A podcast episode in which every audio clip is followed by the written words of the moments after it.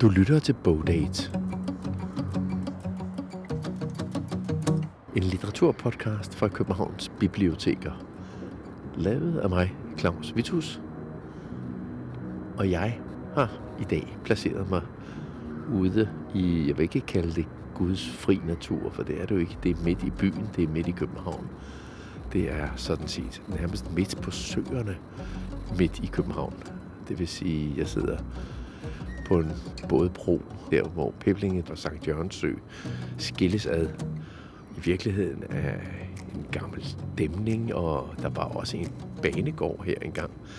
Nu er der, og det har der så været i de sidste 120-30 år, en pavillon, en hvid pavillon, som de fleste københavnere kender, Søpavillonen. En træbygning med to små tårne, som øh, ligesom markerer det her forlystelsesetablissement, som blev etableret i slutningen af 1800-tallet, 1895. Her kunne der have været meget andet. Der var store drømme om, hvad der skulle være her. Dem vender vi tilbage til lige om lidt. Jeg sidder nemlig her og venter på arkitekt Holger Dahl, som også er arkitekturmedarbejder på Berlingske. Altså han skriver om arkitektur, og han har lavet bogen Drømmenes København. Om de drømme, der har været med København.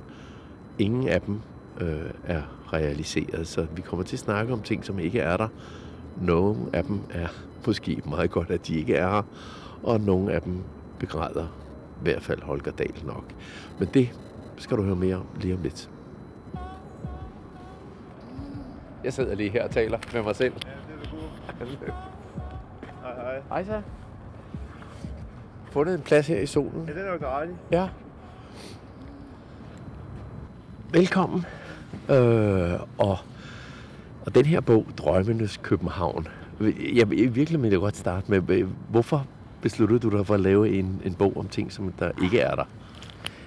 Jamen det er nok fordi, når man kører meget rundt i København, så tænker man for eksempel hver gang jeg kommer her forbi Søpavillonen, hvor vi sidder nu, så tænker jeg ved mig selv, og var det i grund ærgerligt, at den der svømmehal aldrig blev til noget. Og sådan er det jo, når man har boet i København i mange år, at så er der efterhånden ting, man har et helt katalog inde i hovedet af ting, som af en eller anden grund ikke blev til noget, eller ting, der blev til noget, som man har undret sig over, hvorfor skete det dog lige? Og vi snakker så meget om planlægning og om, at øh, der bliver lavet masterplaner, og vi fejrer arkitekturen, og vi skal lave klimasikring. Og så tænkte jeg ved mig selv, måske var det en god idé at gå lidt tilbage og kigge på noget af det, der ikke blev, eller noget af det, man drømte om, der kunne have været, og prøve at kigge lidt på, hvorfor det så ikke blev. Og måske kunne vi så lære noget af det i forhold til den fremtidige planlægning. Det var nok sådan set det, jeg tænkte. Bogen Drømmenes København er Holger Dals personlige gennemgang af projekter i København, som aldrig er blevet til noget. Boligbyggeri på Kløvermarken, musikhus ved Københavns Havn, et kinesisk inspireret pagodebyggeri på Lange Linje Pavillonen. Alle projekter har den arkitektuddannede Holger Dahl sine egne grunde til at tage med i bogen, enten fordi han er ked af, at de blev skrottet, eller han er glad for, at de aldrig blev til noget. For eksempel planerne om at lægge en motorvej ind igennem København, der hvor søerne ligger i dag. Det er et af de projekter, jeg personligt er meget glad for aldrig blive til noget. For det ville dog have været det mest vanvittige. Altså, der var en plan om, at der skulle have gået en sekssporet motorvej oven på søerne, helt hen fra Fredens Bro, og så her til hvor, øh, cirka lidt længere ned, der hvor vi sidder nu. Der skulle så have været en tunnel, cirka her, der skulle have fortsat videre ned ud til Vesterbro og ud til Amager og så videre. Og den her idé om, at man ville have haft sådan en kæmpestor øh, super motorvej her ind igennem noget meget sårbart øh, terræn, det er jeg jo meget glad for, at det ikke skete, at det ikke blev til noget. Men altså, ideen var jo i den her generalplanskitsen, øh, det var jo, at man kunne godt se, at bilismen bare steg og steg. Og i virkeligheden var den jo lavet ud fra en meget smuk ambition om faktisk at friholde øh, middelalderbyen for, øh, for bilisme. Man sagde, jamen, altså, vi må undgå alle de mennesker, der bare hele tiden krydser ind igennem centrum i deres biler og fylder de små gader op. De skal have en mulighed for at hurtigt at komme rundt om bykernen. Øh, hvis de kommer fra nord og skal videre mod syd, så kan de bare køre rundt om bykernen ved at hoppe op på motorvejen her oven på søerne. Og det var jo sådan set ikke... Altså, jeg ved ikke, om det er en god idé, men det, var jo, det er en tanke, man sagtens kan forstå. Man kan jo godt forstå, hvorfor nogen tænkte sådan. Men så, hvis vi nu tager årstallene, jeg startede med 40'erne, og så Ja. 50'erne generalplanen, at, at, at det her, den blev jo ved med at være der som en, en idé, som en plan, og så kom der så flere tegninger på, og igennem 60'erne blev Ja. det så mere meget konkret. Men, øh, men det døde i 70'erne under øh, i virkeligheden Urban Hansen, øh, den tidligere overborgmester på det tidspunkt. Han blev afløst af Weidekamp, så han, han tabte jo rent faktisk øh, valgkampen på baggrund af den her Ja. øh, motorvej. Altså, det der skete var, altså, det er jo sjovt at tænke tilbage. Det er også derfor, at det er sjovt at arbejde med den her bog, fordi man bliver nødt til at forestille sig en anden verden, hvor alle forudsætninger var anderledes. Og øh, det, man skal tænke på, det er en verden, hvor at, altså, bilisme, dengang, da man lavede generalplanen i 50'erne og helt op gennem 60'erne, der var bilisme jo noget, man elskede.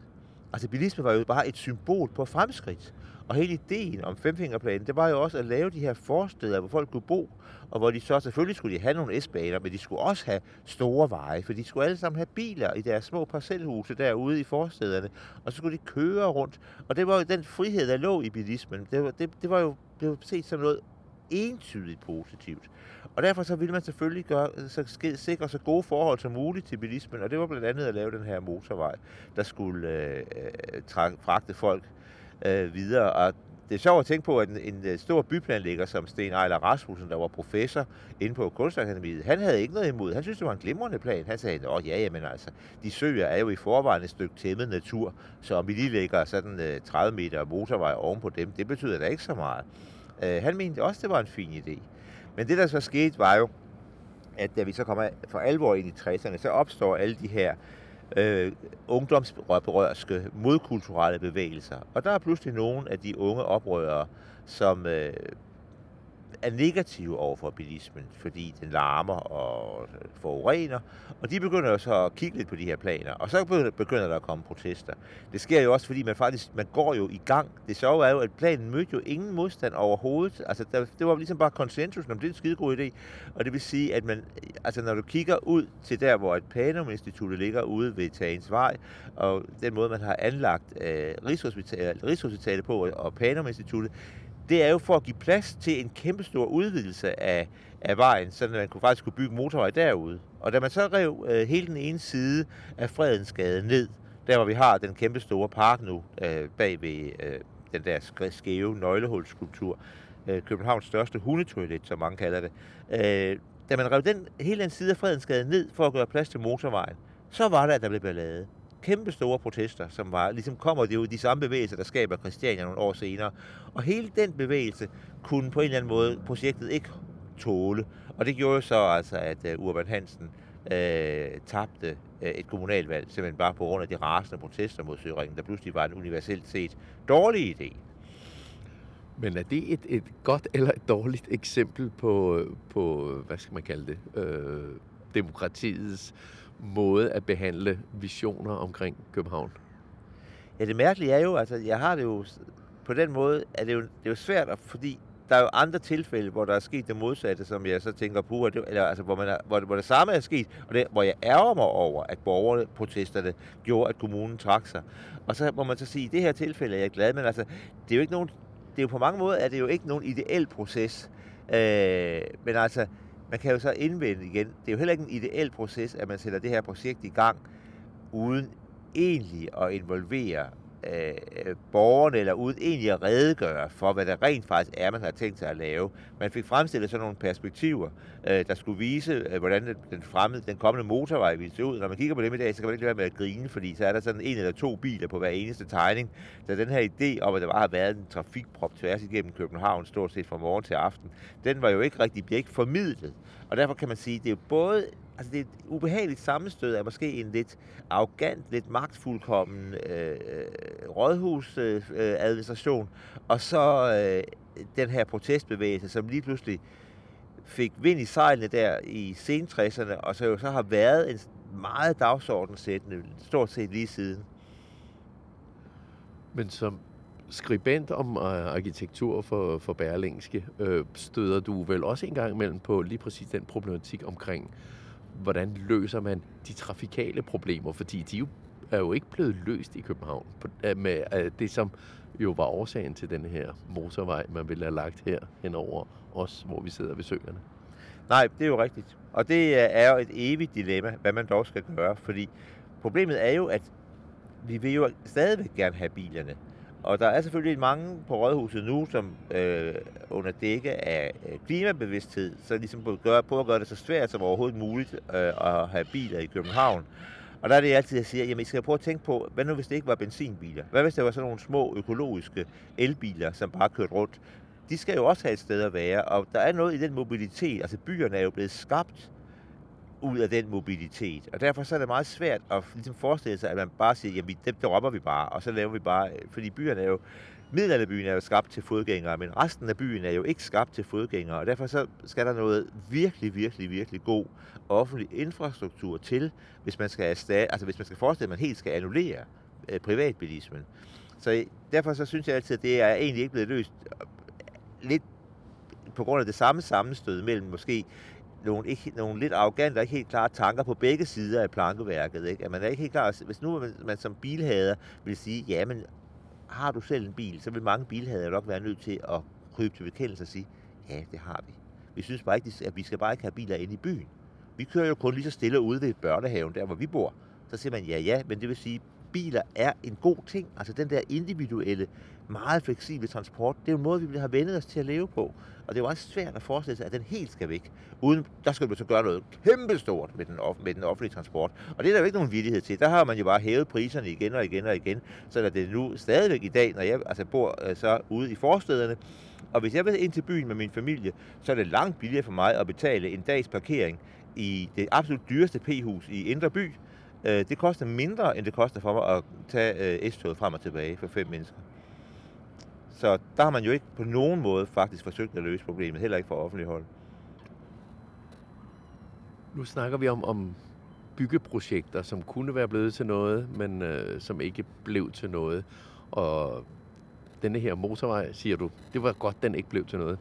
Vi sidder så øh, ved Søpavillonen, ja. som er en, øh, sådan en restaurations øh, øh, forlystelsesetablissement, som blev bygget i slutningen af 1800-tallet, 1895, tror jeg det er. Ja. Øh, I øvrigt er en arkitekt, som var kendt og Fint, berømmet for biblioteket, ja. Statens Museum for Kunst og så ja. videre. Men øh, den var der jo så nogen, som ville rive ned og fjerne. Øh, og det synes du er ærgerligt, at det projekt ikke lykkedes. For det, man ville have, man ville have haft her i stedet for, var i øh, i slutningen af 70'erne et projekt, som Jan og Jørgen Utzon havde lavet med en svømmehal. Yes. Og det var i forbindelse med de store saneringer af den sorte firkant. Der var det, at man jo også kunne se i kommunen, at der manglede jo simpelthen øh, facil- altså idrætsfaciliteter, rekreative faciliteter på Nørrebro. Selvom man så byggede øh, den sorte firkant ned og byggede nye, øh, lidt kedelige, øh, øh skalmurede tøjlbyggerier, så havde man ikke rigtig ting til, sådan til glæde og gavn for øh, offentligheden. Og så var det, at man fik den her idé at lave en svømmehal, og man fik bad så øh, Jørgen Utzon, som så tog Sønneke med, så Jan og Jørgen sammen lavede projektet om at lave en svømmehal her ved Søerne. Og se, det synes jeg jo er en virkelig, virkelig god idé af mange grunde. Altså punkt 1, svømmehal er en god ting. Punkt 2, Jørgen Utzon er jo en meget, meget dygtig arkitekt, og vi lider lidt under, at der ikke rigtig findes værker af, ikke ret mange værker af ham her i Danmark, fordi at han jo var så uheldig, at mange af de ting, han lavede, var geniale, men de var så geniale, at folk ikke kunne se dem på den gang, da han lavede dem. Og det vil sige, at han fik ikke lov til at bygge så meget, som man burde have haft lov til. Men her var et virkelig godt projekt, og som ovenikøbet, altså som havde været enormt charmerende. Og så er det jo det, som jeg synes er det store problem med Søpavillonen. Det er jo, at den, altså punkt 1, er det ikke noget mesterværk. Det ligner sådan en, øh, sådan en pavillon, som der står 100 af rundt omkring i Europa. Ikke? Det er sådan en engelsk øh, træpavillon, som man ser dem i Brighton og så videre. Lavet i sin tid til skøjteklubben, så man kunne stå på skøjter her om vinteren. Men det er jo det, den er lavet til en meget mindre og meget lavere by, og en situation, hvor at, øh, at folk har cyklet og skøjtet rundt i et meget relativt åbent landskab. Nu har du en helt anden skala her, hvor du har meget, meget større bygninger omkring, og du har en kæmpestor, meget, meget trafikeret vej. Og det, der sker, og det er jo derfor, at Søpavillonen aldrig har haft held sådan set, i, i sin nye tid til at, få, at drive restauranten. Det er altid stille og roligt gået for lidt for dem, der har prøvet. Det er fordi, at den drukner den, altså, den er så lille og uanset i den her kæmpe store trafikmiskmasse, der er lige her, at den faktisk forsvinder. Og, og derfor øh, den kan, har ikke, den spiller ingen rolle i bybilledet, og det er enormt, øh, og det kan man ikke gøre noget ved. Så, og så er det jo den ydermere den fordel, at den er jo lavet af træ. Det vil sige, at den nemmeste sag i verden ville være at skille den ad, og flytte den et sted hen. Man kunne flytte den ud på Amager, et sted, hvor, der, hvor den ville passe meget bedre. Og så kunne den stå, stå her, og folk, der elskede Søpavillonen, kunne tage derud. Og så kunne man så bygge øh, Utzon, øh, brød, øh, far og søns øh, svømmehal, kunne man så bygge her i stedet for. Så det synes jeg var en, det havde været et virkelig godt projekt, der nemlig havde kunne give en skala her for enden af søen her, som kunne fastholde øh, på en eller anden måde de størrelser, der ligger i det store vandspejl, og de størrelser, der ligger i de store blokke rundt omkring, og som vil give noget modspil, og vil på en eller anden måde passe meget bedre. Og så vil man samtidig have den her oplevelse af, fordi vandspejlet inde i svømmehallen lå næsten samme sted som søens naturlige vandspejl. Det vil sige, at det ville føles næsten som at svømme i søen, når man svømmede rundt inde i svømmehallen. Nu hedder din bog jo Drømmenes København. Det her var en drøm øh, i 79, og hvorfor blev den så ikke til noget? Jamen, det skyldes jo nok de samme øh, øh, proteststorme, som også fik stoppet Søringen. For nu pludselig var der gået sport i det, og det har der så været lige siden. At hver gang der er nogen, der foreslår noget nyt i København, hvis bare 100 mennesker kan samle sig, så er der en anden, der foreslår, at man laver et banner og stiller sig ind på rådhuspladsen og råber. Og så er politikerne simpelthen blevet så bange. Måske går det helt tilbage til der, hvor Urban Hansen han rent faktisk tabte et valg. Så man er blevet så bange, at man simpelthen ikke tør at sige, ah, ved I nu hvad, i har valgt os, nu bygger vi den der, så kan I stemme os ud næste gang. Det tør man ikke mere. Men nu, når folk de står dernede med banneret, så skynder politikerne at sige, nå undskyld, undskyld, det var en dårlig idé, sorry, sorry, og så dropper de det igen. Og det er jo nogle gange, der skal man nok stå fast og stole lidt på sit instinkt og sige, ved du hvad, det er en skidegod idé, den laver vi bare. Og det skulle man i det her tilfælde, efter min mening, der skulle man have bygget den svømmehal. Det ville, alle ville have været rigere. Vi kunne have været en sjovere by, have været en bedre by, og øh, vi ville have haft en stor attraktion lige her.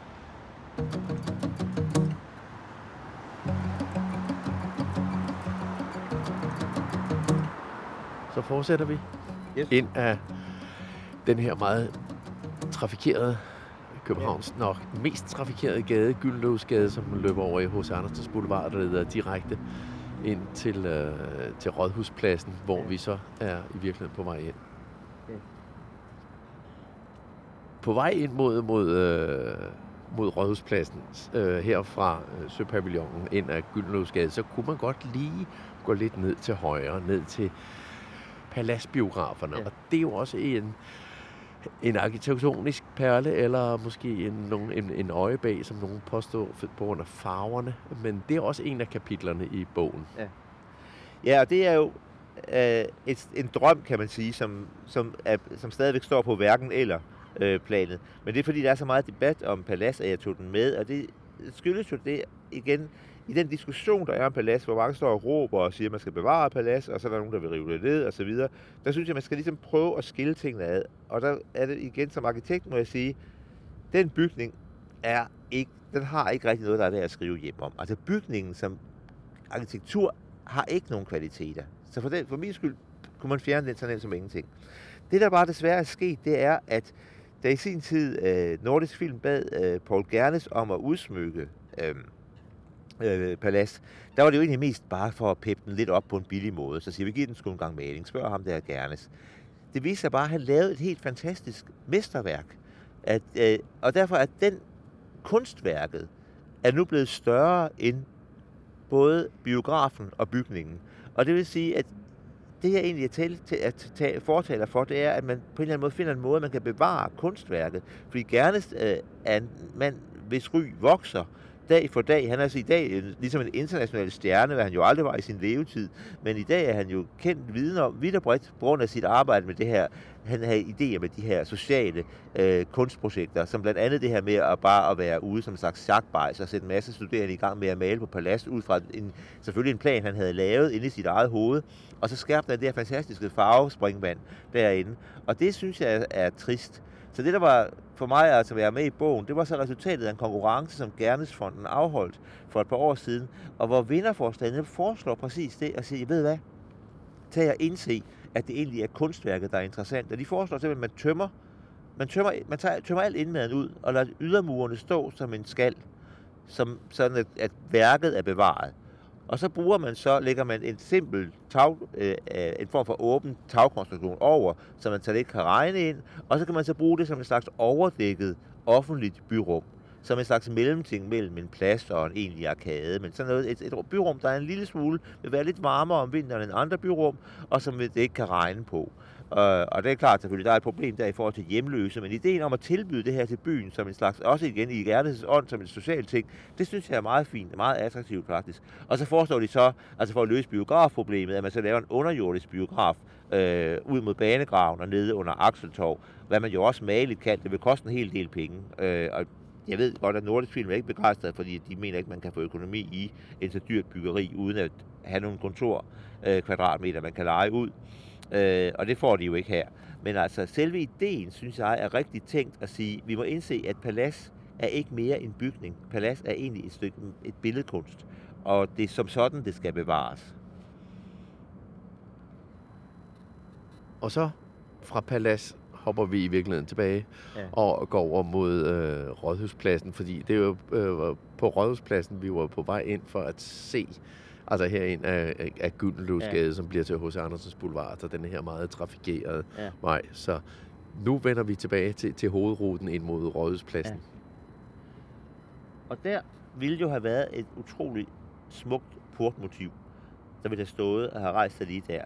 Men du ville have haft rådhuset med tårnet på den ene side, og så den britiske arkitekt Norman Fosters slanke over 100 meter høje spir på den anden. Og over 100 meter høj er 102 to, meter, men ligesom rådhustårnet.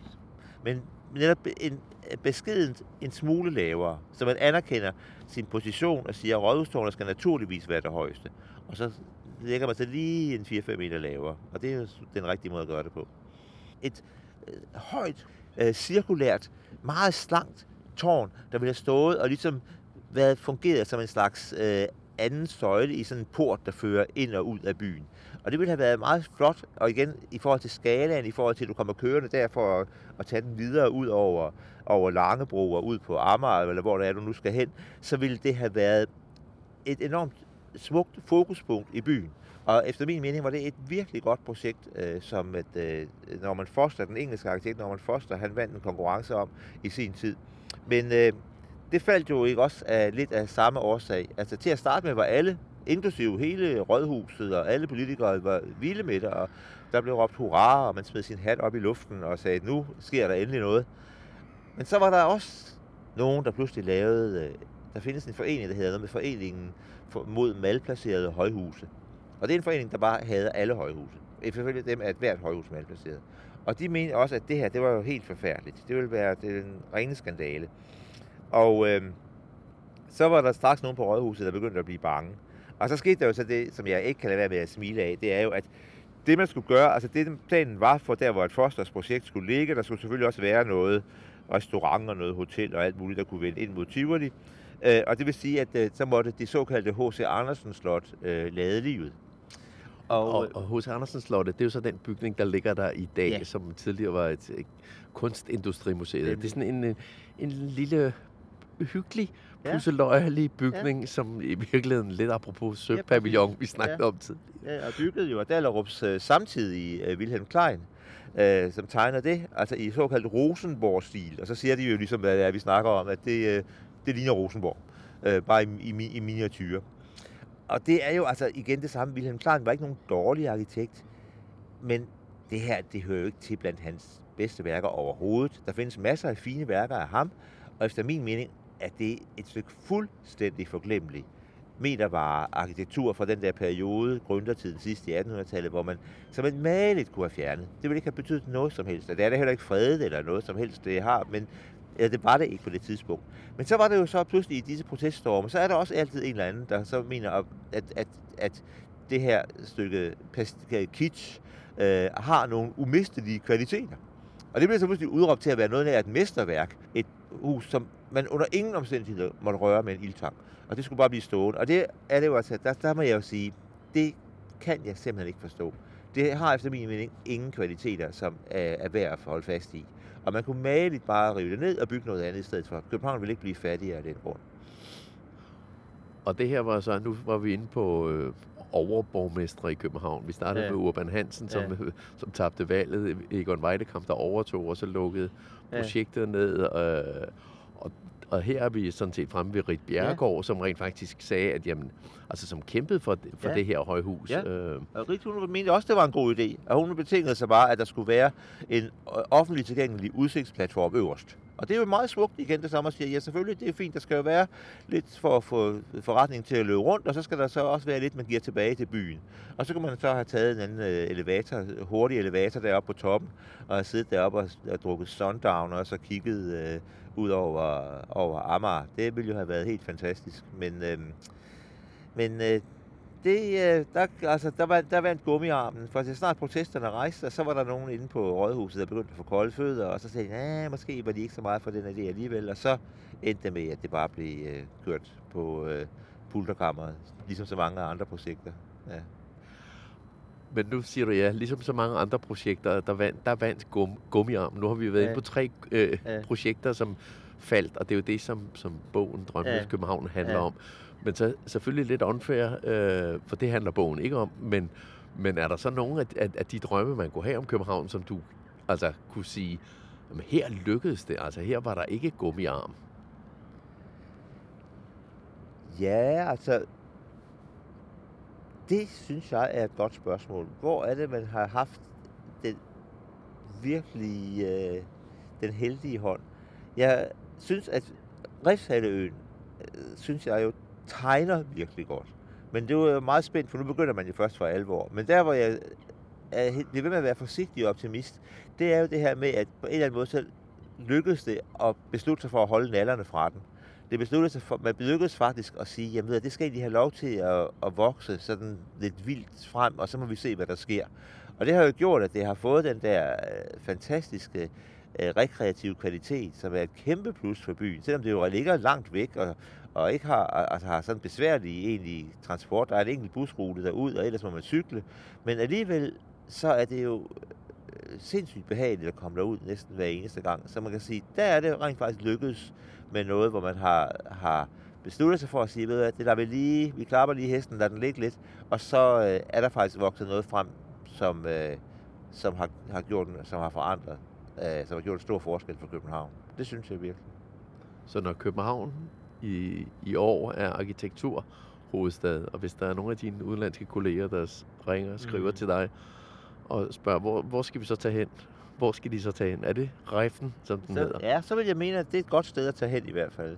Og så er der selvfølgelig alle de ikoniske ting, vi kan tage ud og kigge på. Øh, Bigs øh, forbrændingsanlæg med skibakken på taget og så videre, som jo også er, er, er, er spændende. Ikke? Man kan tage ud og se øh, de nye bydele, der opstår, øh, hvor nogen måske øh, er knap så heldige, og nogen er, viser, at vi er ved, at, er ved at lære det måske. Der er nogle takter i Nordhavn, jeg synes også, man må se betragte den positivt.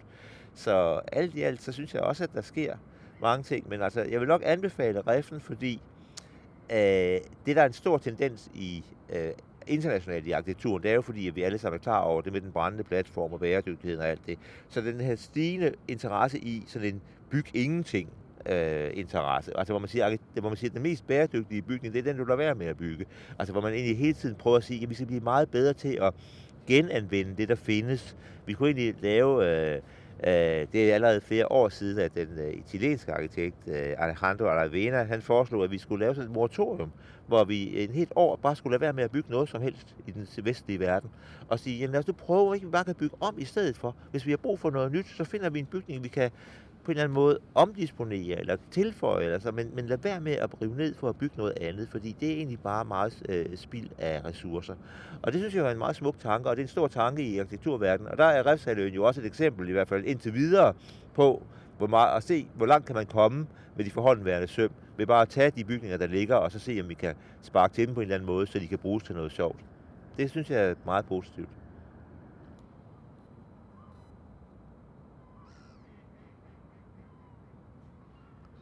Tak for rundturen til de her drømme, øh, drømmenes København, til de her projekter, der ikke blev til noget, men øh, som kunne have forskyndet, eller også var det måske meget godt, de ikke blev til noget. Ja. Sådan må vi se på det. Vi, ved, vi vil aldrig få at vide, hvordan det kunne have været. Men jeg drømmer jo om, at virtual reality en dag vil redde os.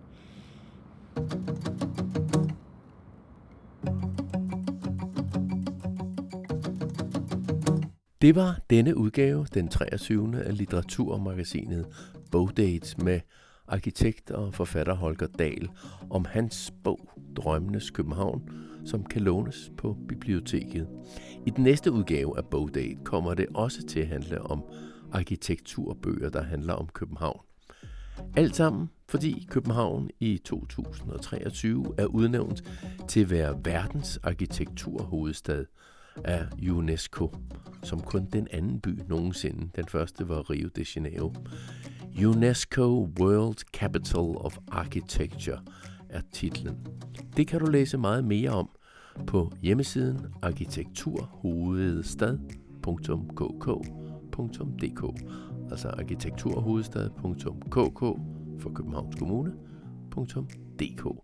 Og der kommer også mere om arkitekturhovedstaden og om arkitekturen i København i den næste udgave af denne podcast Bogdate. Fold ørerne ud, kig dig omkring i byen og find arkitekturbøger på dit lokale bibliotek. På genhør, mit navn er Claus Vitus.